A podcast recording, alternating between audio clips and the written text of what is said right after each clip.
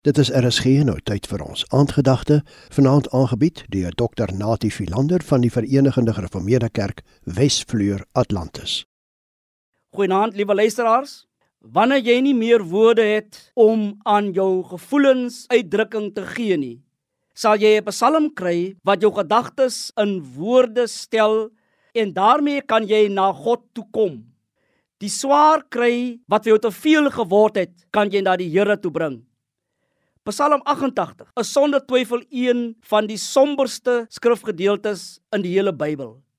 Hier word die deur van die hoop oënskynlik nie eers met 'n skreefie oopgemaak nie om daarmee 'n bietjie lig in die donker gemoed van die digter in te laat val nie. Die Psalm eindig nie met 'n amen of 'n haleluja soos baie van die ander psalms nie. Trouwens, hoe verder die Psalm vorder, hoe intenser word die smart hoe rouer die klag tot dit eindig met die woorde die duisternis van die dood is my enigste geselskap. Psalm 88 vers 19 kan daar nog erge dinge met die digter gebeur? Dis daarom geen wonder nie dat sommige uitleggers ongemaklik voel met Psalm 88 in die kanon nie.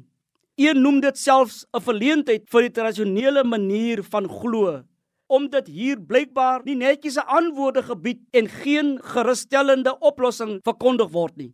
Die digter word selfs deur enkele verklaarders van gebrek aan geloofsvertroue in God beskuldig. As hy maar net goed en reg geglo het, meen hulle sou daar nie so 'n trere maar uit hierdie psalm na vore gekom het nie. Dalk het die psalmdigter aan 'n siekte in sy jeugjare gely of het sy vriende ver van hom gestaan en op hom toegekyk?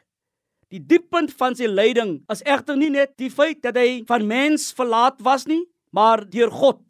Maar dan ook nie net so dat God ver van hom bly staan het, as ware passief toegekyk het toe hy gelei het nie, eerder dat hy aktief die bestaan van die digter bedreig het.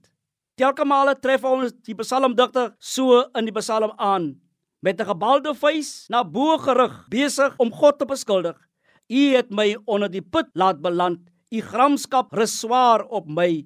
U laat al u golwe oor my breek.